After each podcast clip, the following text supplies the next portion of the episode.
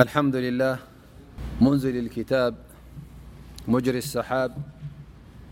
هازم الأحزاب خالق خلقه من تراب نحمده حمدا كثيرا طيبا مباركا ملء السماوات والأرض ونل ونسلم على المبعوث رحمة للعالمين الهادي البشير النذير محمد بن عبد الله وعلى آله وصحبه الغر الميامين ومن سار على نهجهم واتبع هداهم واقتفى أثرهم إلى يوم الدين أما بعد خبركم أو السلام عليكم ورحمة الله وبركاته إن شاء الله تعالى لم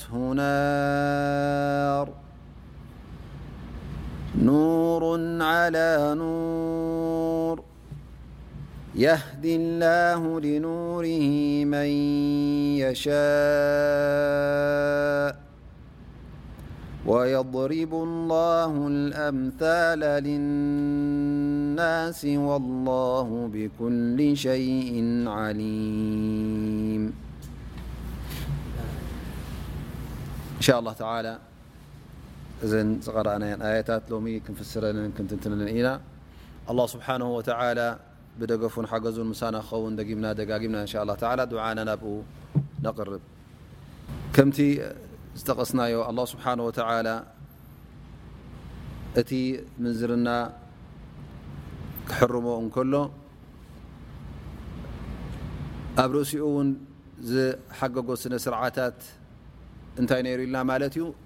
ኣብዚ ገበን እዚ ኣብዚ ጌጋ እዚ ንኸይትወድቕ ኣላ ስብሓን ወተላ ብዙሕ መከላኸሊታት ገይሩልካ ኢልና ጠቒስና ነርና ማለት እዩ እነሀ ሕጂ እውን ኣላ ስብሓን ወተላ ካብቲ ዝገበሮ ኣብ እዚ እከይ ተግባር እዚ ንኸይትወድቕ ኣላህ ስብሓነሁ ወተዓላ ዝወሰኖ ውሳኔታት ክንርኢ እንተድኣ ኮይና እነሀ ኣላህ ስብሓነሁ ወተዓላ ኣብዛ ቀዳመይቲ ኣያ ዝቐራእናያ እቶም ሓላፍነት ተዋሂቦም ዘለዉ ሓላፍነት ናይተን ደቂ ኣንስትዮ ኣብ ዝባኖም ዘሎ ወይ እውን ደቂ ኣንስትዮ ጥራይ ዘይኮነውን ወላ እውን ደቂ ተባዕትዮ እስኻ ወልይ ናቶም ሓላፊ ናቶም መስኡልያ ሓላፍነቶም ተሰከምካ እንተድኣ ኮይንካ ነዞም ሰባት እዚኦም ንኸተመርዕዎም ብሓላል ንኸተዋስቦም ሓላፍነትካ ከም ምዃኑ እነሀ ኣላህ ስብሓነሁ ወተዓላ ኣብዛ ኣያ እዚኣ ይሕብረና። ምኽንያቱ እቲ ሓደ ካብቲ ኣብ ምንዝርና ንኸይትወድቕ ዝከላኸለልካ እንታይ እዩ? ብሕጋዊ ብስነ ስርዓት ጌርካ ብሸሪዓዊ መገዲ ጌርካ መውስቦ ክትገብር እንከለኻ ክትመራዓው እንከለኻ እዚ ሕጂ ካብቲ ዓዘቕቲ ናይ እዚ ተግባር እዚ ካብኡ ይሕልወካ ማለት እዩ።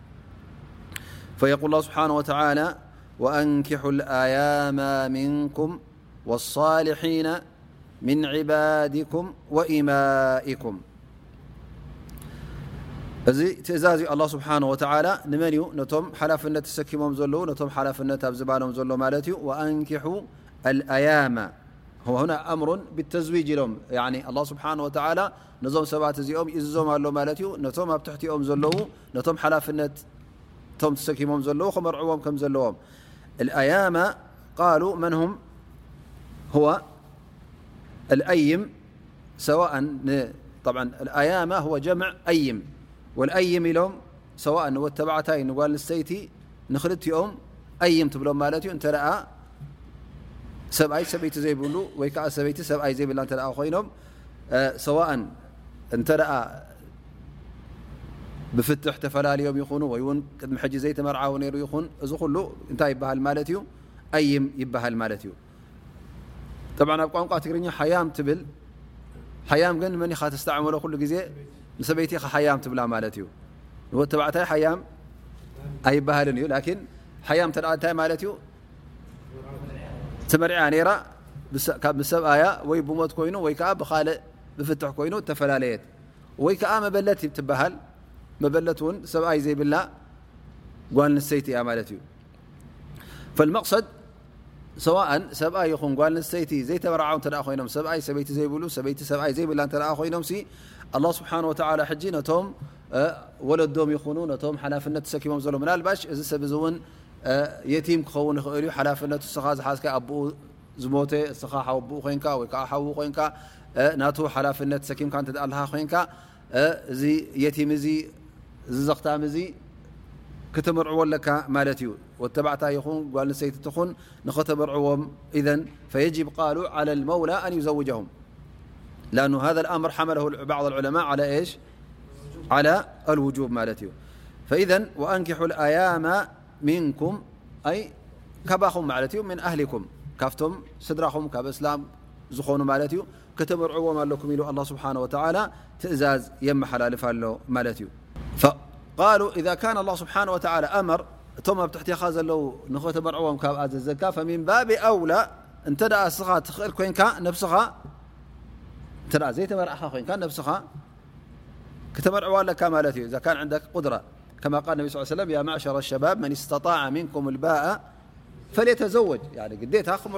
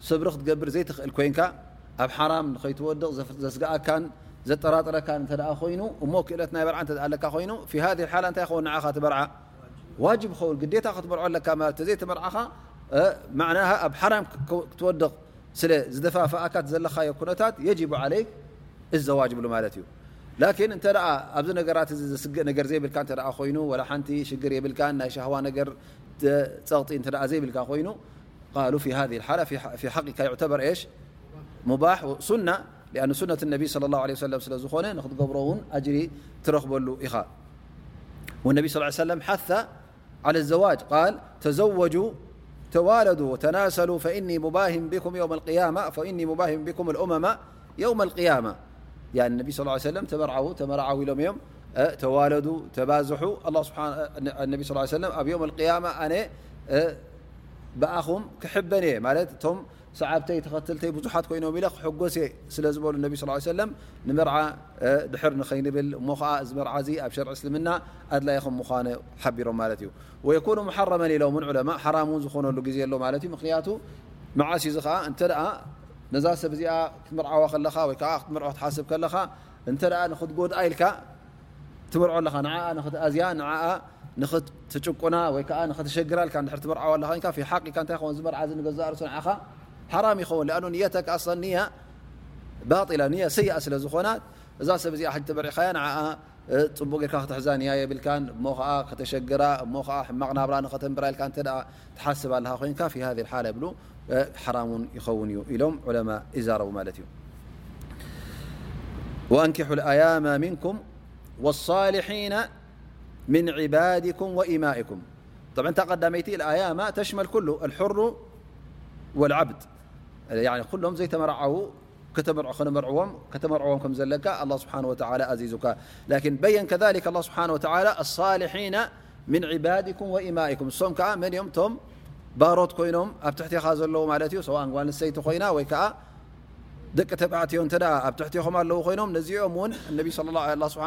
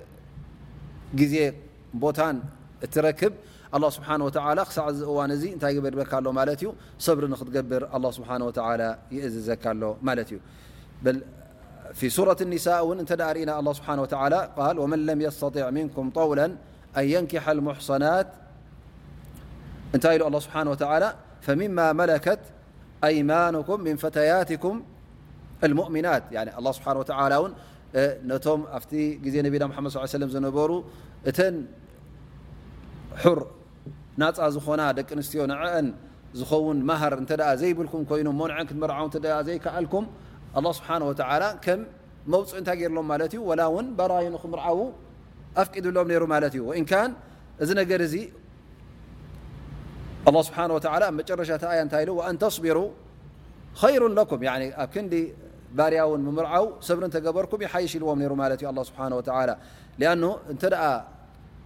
ባርያ ተመርዕዩ እዛ ሰብ እዚኣ ዝወለደቶ ውላድ ውን ናይ ጎይታኣ ስለ ዝኾነት ንሳ ተወልዶ ውላድ ውን ባርያ ስለ ዝኸውን ካብ እዛ ሰብ እዚኣ ስለዚ ሰብሪ እንተገበርኩም ይሓይሽ ኢሉ ኣላ ስብሓን ወተላ ውን ሓበሬታ ሂብዎም ነይሩ ማለት እዩ ላኪን ከም መውፅኢ ከም ሓደ መፍትሒ ኣላ ስብሓን ወተላ ኣብ ክንዲ ኣብ ሓራም ዝወድቕ ሰብ እቲ ዓይነታት መፍትሒ ኣላ ስብሓን ወተላ ንዝኾነ ነገር ሓራም ኢሉ ኣላ ስብሓን ወተላ ብኩሉ ኣይዓፅወካን እዩ እንታይ ደኣ እቲ ሓራም ምስ ገለፀልካ እቲ ሓላልከ እንታይ ከም ምዃኑ ኣላ ስብሓን ወተላ ይነግረካ ማለት እዩ ምክንያቱ እዚ ነገር እዚ ማለት እቲ ፆታዊ ርክብ ኣብ ናይ ጓልሰይቲ ይኹን ንወት ተባዕታይ ኣድላይ እዩ ኣላ ስብሓን ወተላ ከም ተፈጥሮኣዊ ገይሩ ኣብ ነብሶም ዝሰረፆ ነገር ስለ ዝኾነ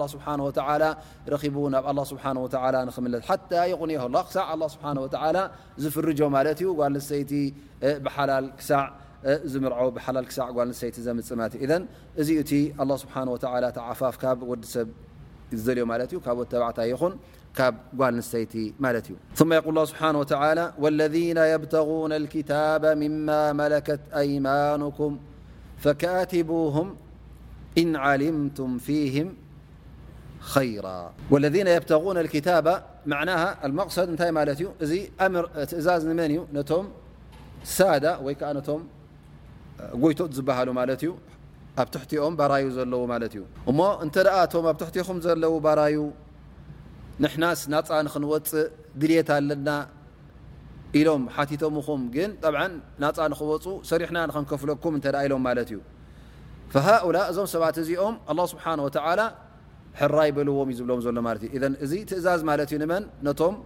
ጎይቶት እቶም ኣብ ትሕቲኦም ዘለዉ ባሮት እንተ ናፃ ንክወፁ ደልዮም እሞ ክንከፍለኩም ኢና እቲ ደልዎ ዋጋ ኢሎም እተ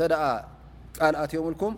ምስኦም ፅሑፍ ግበሩ ኢኹም ፅሒፍኩም ማለት እዩ ክንዲዚ ትኸፍል ክንዲዚ ሰሪሕካ ንዓይ ክፈለኒ ድሕሪኡ ናፃ ትኸውን ይብሎ ማለት እዩ። እዚ እንታይ ዘርእየና ማለት እዩ መብዝሕቱ ግዜ ገለ ሰባት ሕጂ ብሕልፊ እቶም ኣብ እስልምና ዘየለዉ ኮይኖም ወይ ከዓ ሕማቕ ተረድኦ ናይ እስልምና ዘለዎም ንምንታይ ካብቲ ነጥብታት ዝጠቕስዎ ማለት እንታይ እዩ ኣብ እስልምና እንታይ ኣሎ ብሉካ ሕጂ ናይ ባርነት ጉዳይ ይጠቕሱ ማለት እዩ እስልምና ዲን ናይ ባርነት ዘምፀዩ ሓደ ሰብ ሲን ባርያ ናይ ሓደ ሰብ ንክኸውን ዘምፅኦ ዲን እዩ ኢሎም ወይ ከዓ ነዚ ነገር እዚ ዝሰረተ ሃይማኖት ገይሮም ይወስድዎ ማለት እዩ እንተ ርእና እቲ ኣያታት ኣብ ቁርን ዘሎ እተ ርእና ኩሉ እንታይ እዩ ኩሉ ከመይ ጌርካ ናፃ ንምውፃእ እዩ ዝጠቅስ ማለት እዩ ሰዋእን ኣብቲ ናይ ማሓላ ኮይኑ ብማሓላ ኮይኑ ብዝሃር ኮይኑ ብዓይነታት ጉድለት ናይ ዕባዳ ትገብሮ ኩሉ ግዜ ነቶም ባራዩ ዘለውስ ናፃ ንክወፁ ኣላ ስብሓን ወተላ እንታይ ይገብር ማለት እዩ ሕንፃፃት ሓንፂፁ ማለት እዩ ስለዚ እቲ ባርያ ናፃ ንክወፅእ ኩሉ ግዜ ትስልምና እንታይ እዩ ይደፋፍእ ማለት እዩ ናብኡዩ ዝመርሕ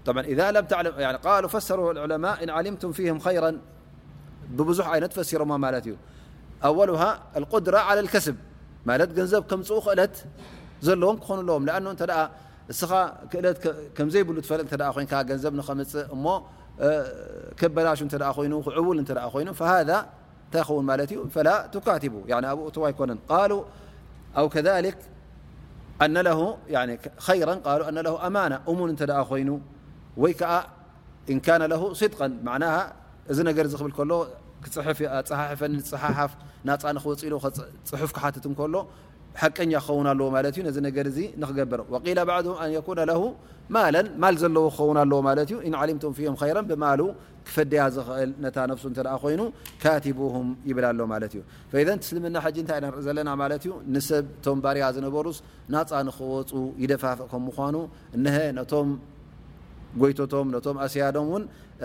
ኣላህ ስብሓን ወተዓላ በዚ ኣዚዝዎም ማለት እዩ ፈካትቡሁም እን ዓሊምቱም ፊህም ኸይራ ወቂላ ጠብዓ ከምቲ ዝበልና ሒለተን ዓል ከስብ ወኣቱሁም ምን ማል ላ ለذ ኣታኩም እዞም ሰባት እዚኦም እዞም ናፃ ንክወፁን ነብሶም ናፃ ንክውፅኡ ዝቃለሱ ዘለዉ ፅሑፍ ገይሮም ዘለዎ እውን ስቑኢልኩም ኣይትረኣይዎም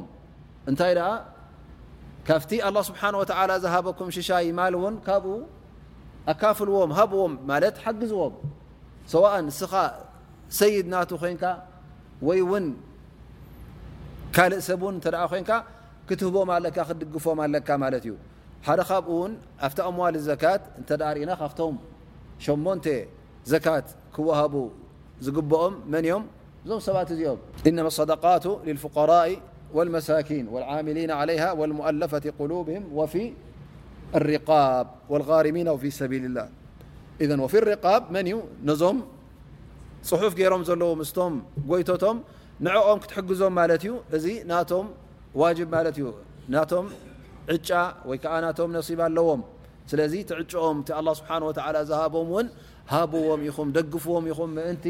ናጻ ንኽወጹ እዩ ዝብለና ዘሎ ኣላ ስብሓን ወተላ ወኣቱሁም ምን ማል ላ ለذ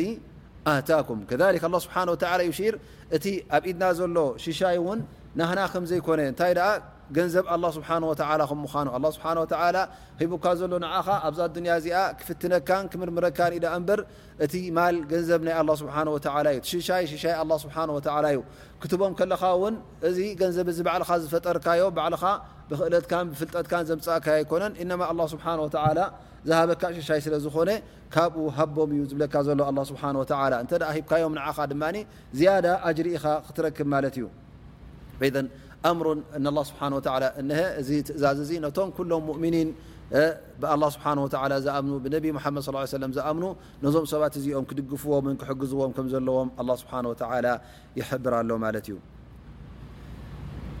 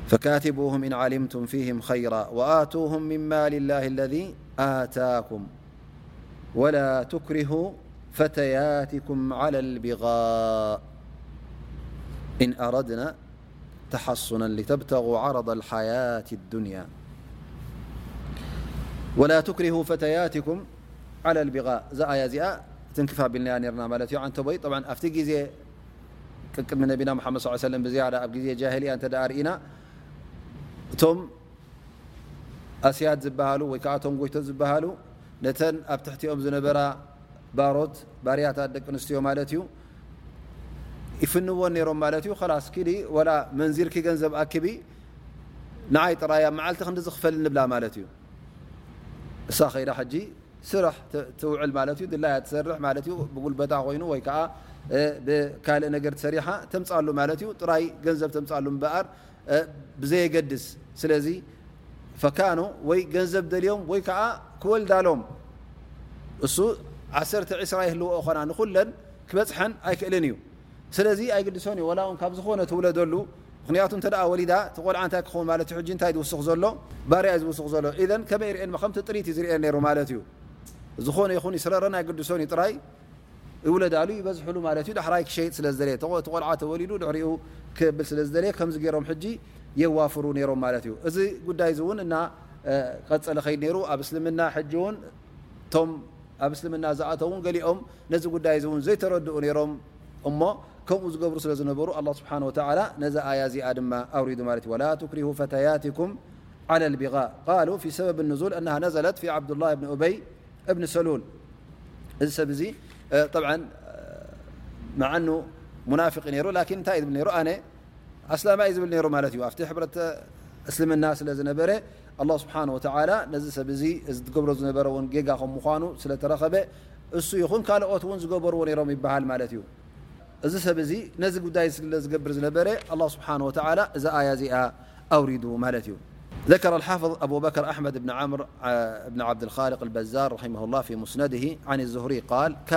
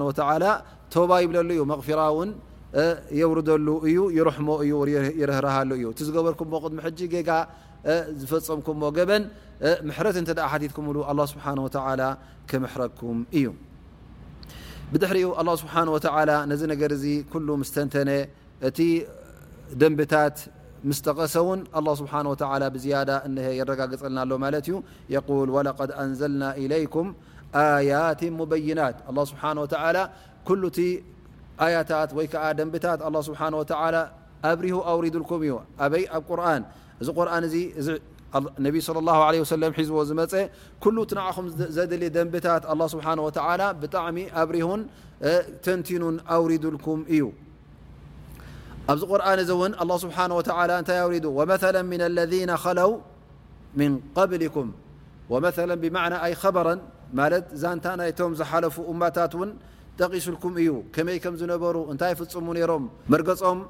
ከመይ ነይሩ፣ እቶም እተላእክዎም ኣንብያ መን መን ከም ምዃኖም፣ ናብ ናበይከ ዳዕዋ ገይሮምሎም፣ ናብ ምንታይ ጸዊዖሞም፣ እዚ ዅሉ ጠቒሱልኩም እዩ ኣላህ ስብሓነሁ ወተዓላ ኣብቲ ዘውረደልኩም ክታብ።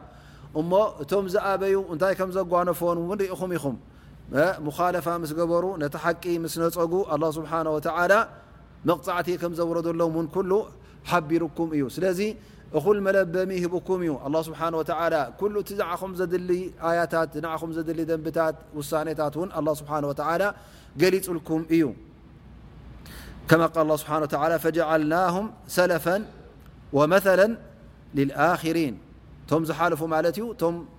ኡማታት ኣላህ ስብሓነሁ ወተዓላ ዝጠቐሰልኩም ኩሎም ከመይ ከም ዝነበሩ ነጊሩኩም እዩ ኣብነት እውን ኮይኖምኹም ማለት እዩ እቲ ዝገብርዎ ዝነበሩ ጌጋ ድዩ ጌጋ ኣይኮነን እውን ኣላህ ስብሓነሁ ወተዓላ ምስ ሓበረ እቶም ዝሓለፉ ኩሉ እቲ ገበነኛ መቕጻዕቲ ወሪድዎ እቲ ሓቂ ሒዙ ዝኸይድ ዝነበረ ኣላህ ስብሓነሁ ወተዓላ ነቲ ነቢ ይኹን ነቶም ሰዓብቱን ነጻ ከም ዘውጽኦም እዚ ኩሉ ኣላህ ስብሓነሁ ወተዓላ ነጊሩኩም እዩ ወለቀድ ኣንዘልና ኢለይኩም ኣያት ሙበይናት ወመሰለን ሚን ኣለዚነ ኸለው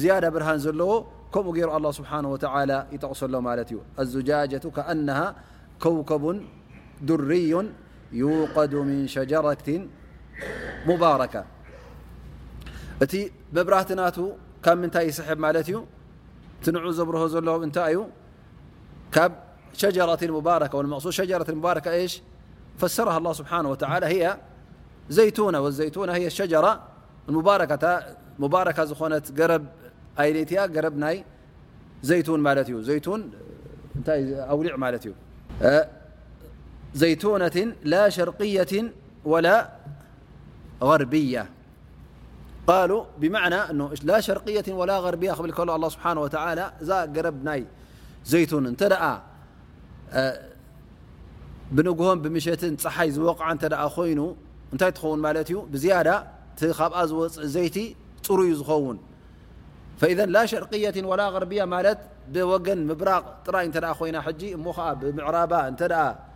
ፀሓይ ዘይረኽባ እተ ኮይኑ ወይ ከዓ ብምብራቃ ጥራይ ብወገን ምብራቕ ጥራይ ፀሓይ ትረክብ እተ ኮይና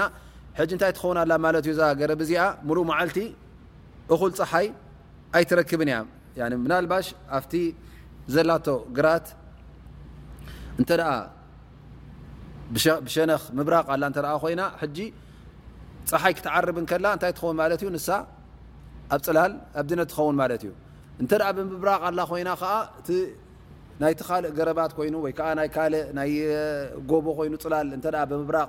ዝወቕዓ እተ ኮይኑ ኣብ ግዜ ምዕራብ ጥራይ ፀሓይ ድሪ ፍርቂ መዓልቲ ጥራይ መፃ ማለት እቲ ፀሓይ ስለዚ እተ ከምዚ ኮይና እኹል ጸሓይ ስለ ዘይትረክብ እብሉ እቲ ካብኣ ዝወጽእ ዘይቲ ከምቲ ምስታ ምሉእ መዓልቲ ብየማን ብጸጋም ብምብራቕን ብምዕራብን ጸሓይ እትረክብ ገረብ ከምኣ ኣይትኸውንን እያ ይብሉ ማለት እዩ።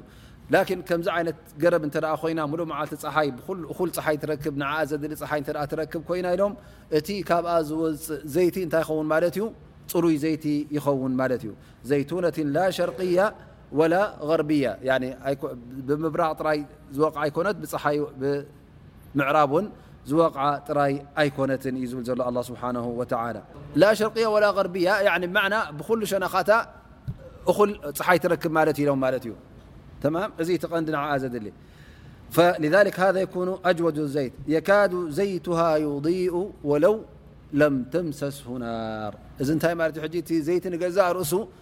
ብክቱር ፅርየት ናቱን ብክቱር ሰፋእ ናቱ እንታይ ይኸውን ማለት እዩ እሱ ንገዛእ ርእሱ ብርሃን ዘውፅእ ዘሎ ኮይኑ ይስምዕ ፈማ ባሉክ እቲ ካብኡ ዝወፅእ ብርሃን እንታይ ክኸውን ማለት እዩ ኣዕርዩ ዝያዳ ክበርህ ማለት እዩ ዝያዳ ሓዉ ምስ ተንክኦ እቲ ካብኡ ዝወፅእ ብርሃን ኣዕርዩ ፅሩ ይኸውን ማለት እዩ ላ ስብሓን ወተላ ሕጂ እንታይ እዩ ዝያዳ እቲ ናይ ፍጥረት ናይ ወዲ ሰብ ናይ ሙእሚን ከመይ ከም ምኳኑ ንዑይ ዘርእየና ዘሎ ማለት እዩ ክሳዕ ክንደይ ፅርየት ከም ዘለዎ ሰፋእ ከም ዘለዎ ኣላ ስብሓን ወተዓላ እቲ ፊጥራ ናይ ወዲ ሰብ ናይ ዝገበሮ ኣላ ስብሓን ወተዓላ ነስላማይ ዝሃቦ ልክዕ ከምቲ ንፁህ ዘይቲ ወይ ከዓ ሳፊ ፅሩይ ዝኾነ ዘይቲ ናይ ዛገረብ እዚኣ ከምኡ ገይሩ ይገልፆ ኣሎ ማለት እዩ እሞ እዚ ፅሩይ ዘይቲ እዚ እቲ ናይ ኣላ ስብሓን ወተዓላ ሓበሬታ ምስ ረኸበ እሞ በቲ ኣላ ስብሓን ወተዓላ ዝኣዘዞ ስራሕ እውን ምስ ሰርሐ እቲ ብርሃን ካብኡ ክወጽእ ይጅምር ማለት እዩ። እቲ ኢማን ምስቲ ዝነበሮ ፊጥራ ምስኡ ምስ ተራኸበ ልክዕ ከምቲ እሳት ኣብታ ጥርሙዝ እቲኣ ወይ ከኣ ኣብታ ምስታ ዘይቲ እዚኣ ተራኺቡ ብርሃን ዘውጽእ ዘሎ እዚ ሰብ እዚ እውን እቲ ኣላህ ስብሓነሁ ወተዓላ ዝሃቦ ፊጥራ ጽሩይ ፊጥራ ዝሃቦን እቲ ኣላህ ስብሓነሁ ወተዓላ ዘውረደሎ ሓበሬታታት ተራኺቡ ንሱ ብተግባር